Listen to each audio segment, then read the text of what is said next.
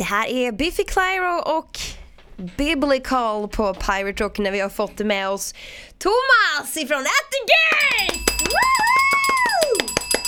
Välkommen! Tack så mycket, tack så mycket. Hur mår du? Tänkte, är du kvar? Hallå? Han var så tyst. ja. Hur, hur är Jag det? blev lite rädd där. Det, det, är- det är bara bra här. Det är bara bra här. Svettas i värmen. Ja, det är ju så. Det är, det är ju skönt, vi ska inte klaga på värmen. Nej. Som vi sa förut här, carpe diem över den här värmen. Fånga dagen. Vad är, köra så. Thomas, berätta lite, berätta lite om dig själv för de som inte har bra koll på dig. Vem är du och vad gör du för något? Eh, Jag heter Thomas Lindberg eh, och eh, jag har sjungit dödsmetall sedan jag var 16. Men och nu jag släpper jag ju vårt nya platta här med The Gates nu här. Eller vi gjorde det förra veckan faktiskt. Gjorde vi. Så det är väl så jag är aktuell just nu. Jag vet inte hur mycket mer detaljerat du vill ha det. Nej, det- Men, Men är det det det står på ditt CV? Hej, jag heter Thomas Lindberg och har sjungit dödsmetall sedan jag var 16.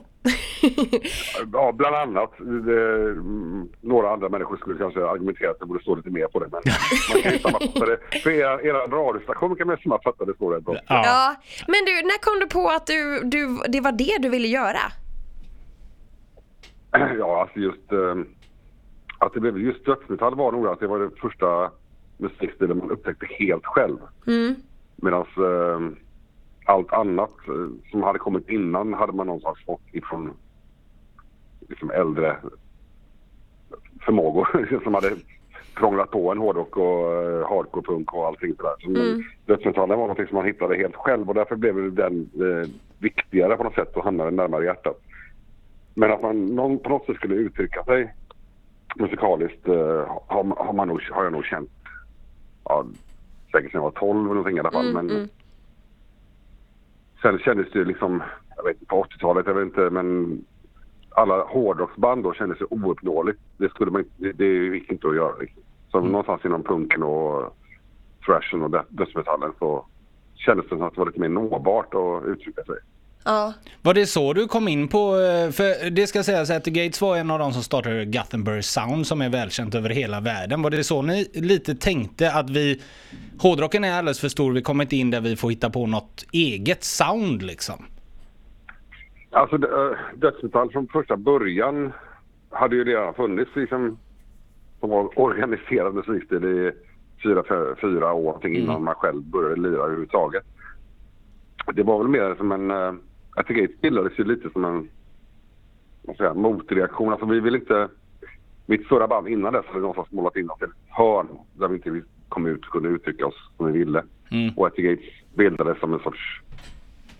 Liksom en... Eh, man säga, motpol mot det att vi verkligen inte ville ha några gränser och vi skulle kunna uttrycka oss fritt. Liksom. Och någonstans där började det. Och jag, jag tror att vi lät som vi gjorde i början och fortfarande då liksom genom att vi lät alla känslostötare liksom aktiva. Vi liksom lyssnade på väldigt mycket- olika musik och lyfte in det i vår dödsmetall.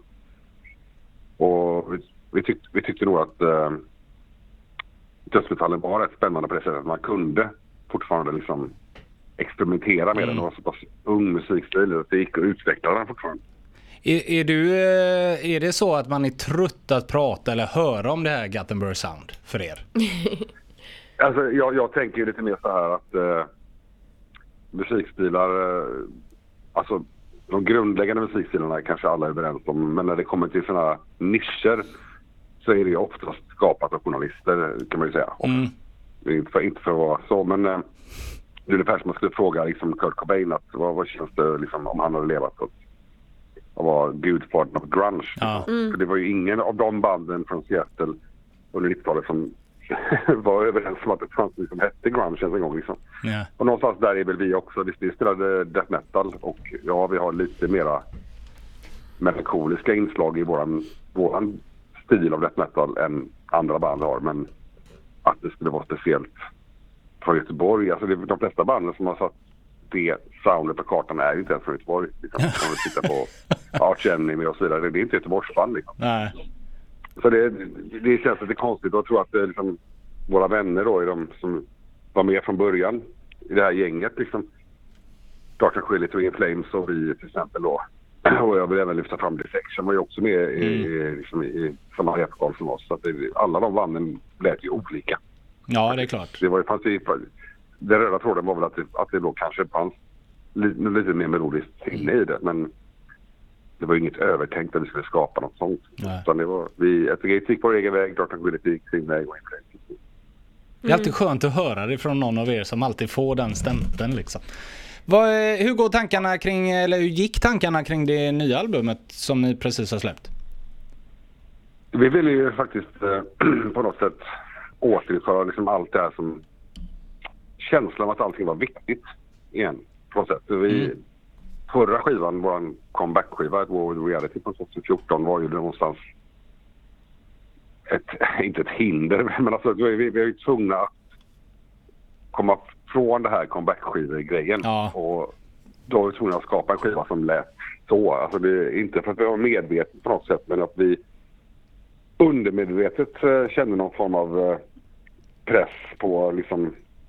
Det blev en skaparångest i det liksom. Medan så, så fort den var klar så kände vi väl att nu kan vi göra vad vi vill igen Mm. någonstans. Det finns inga förväntningar och då ville vi liksom gå tillbaka till någon sorts... Eh,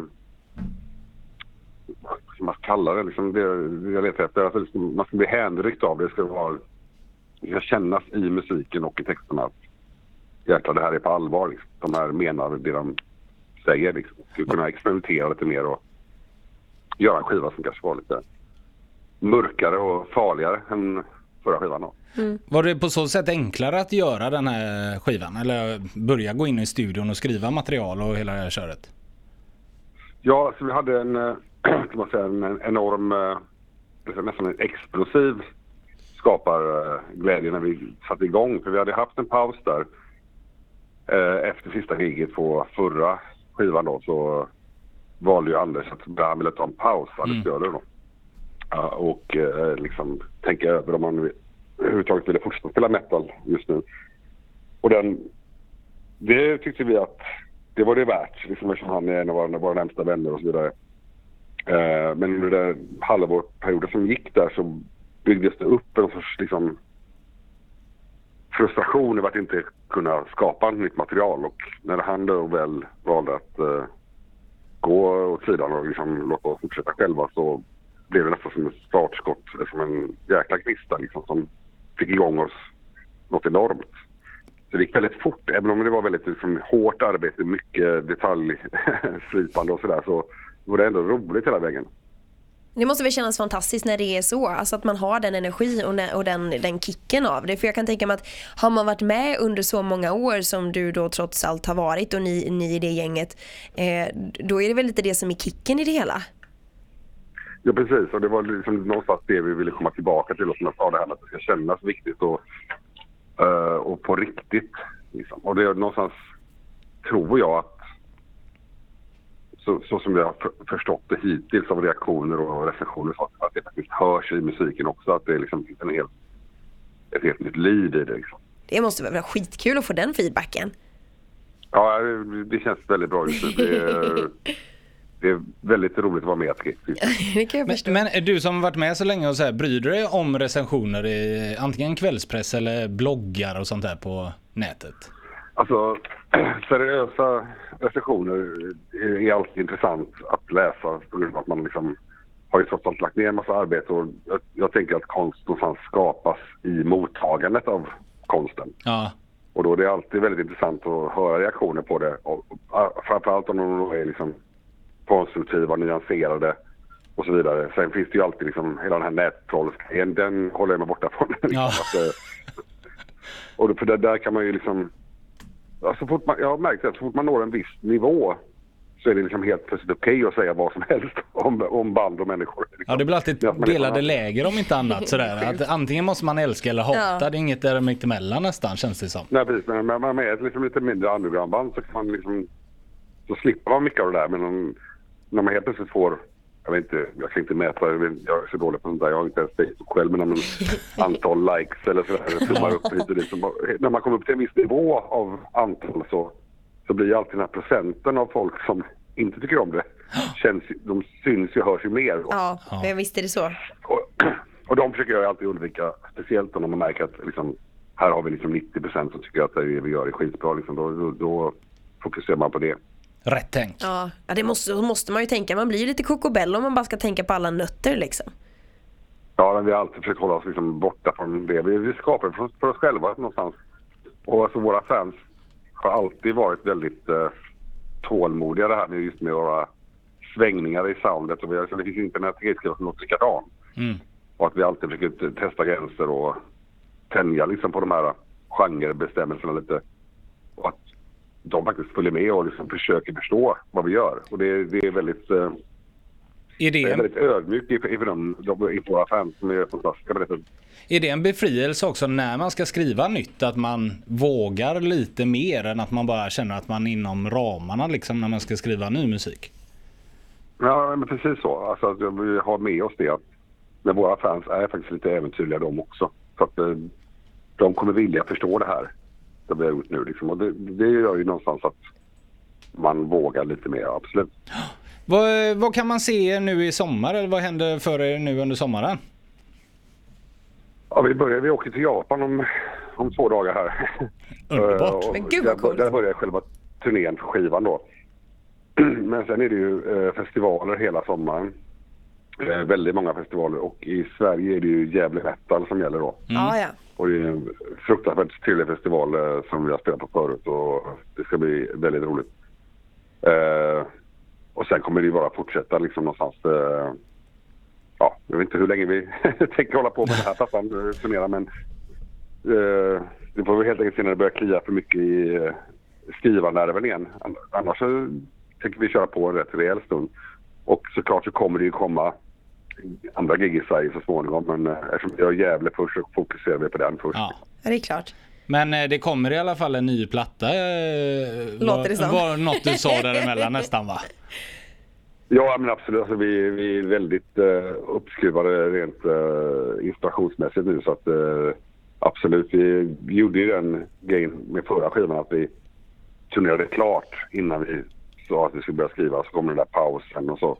Du vet. Mm. Nu tänkte vi att vi, vi börjar skriva under tiden. Liksom. Det finns inga spärrar längre. Liksom. Vi, allt som vi vill säga måste, måste få komma ut. Fan vad härligt att höra Thomas. Tack så mycket för att vi fick eh, ringa dig. Ja, det var väldigt trevligt. Och nu då så ska vi köra på med eh, To Drink from the Night Itself. Kan du berätta lite om den låten? Ja, det är titelspåret och även öppningslåten på skivan. Eh, det är ju lite som, eh, hur ska man säga? Den förklarar lite innehållet i skivan både musikaliskt och även textmässigt då. Den är liksom en sorts, vad heter det, vad säger man på svenska, men eh, a call to arms tänker jag lite. att det är liksom, nu jäklar, det, det är det här vi tänker säga med den här skivan. Så du får liksom en sorts eh, snittbild av hela skivan genom den låten. Det handlar ju om just det här att vara kreativ och, och att, eh, att brinna för saker och att eh, saker ska känna, kännas viktigt och, och, och äkta. Det, Mm. det är lite det låten handlar om. Snyggt. Ja, men, men eh, Thomas, jag hoppas såklart att vi kanske träffas någon gång, att vi kan köra en längre variant. Det hade varit väldigt, väldigt roligt. Det det känns som att du har mycket att dela med dig av efter alla dessa år av erfarenhet inom musikbranschen. Men nu då så ska vi ta och köra på med At the Gates.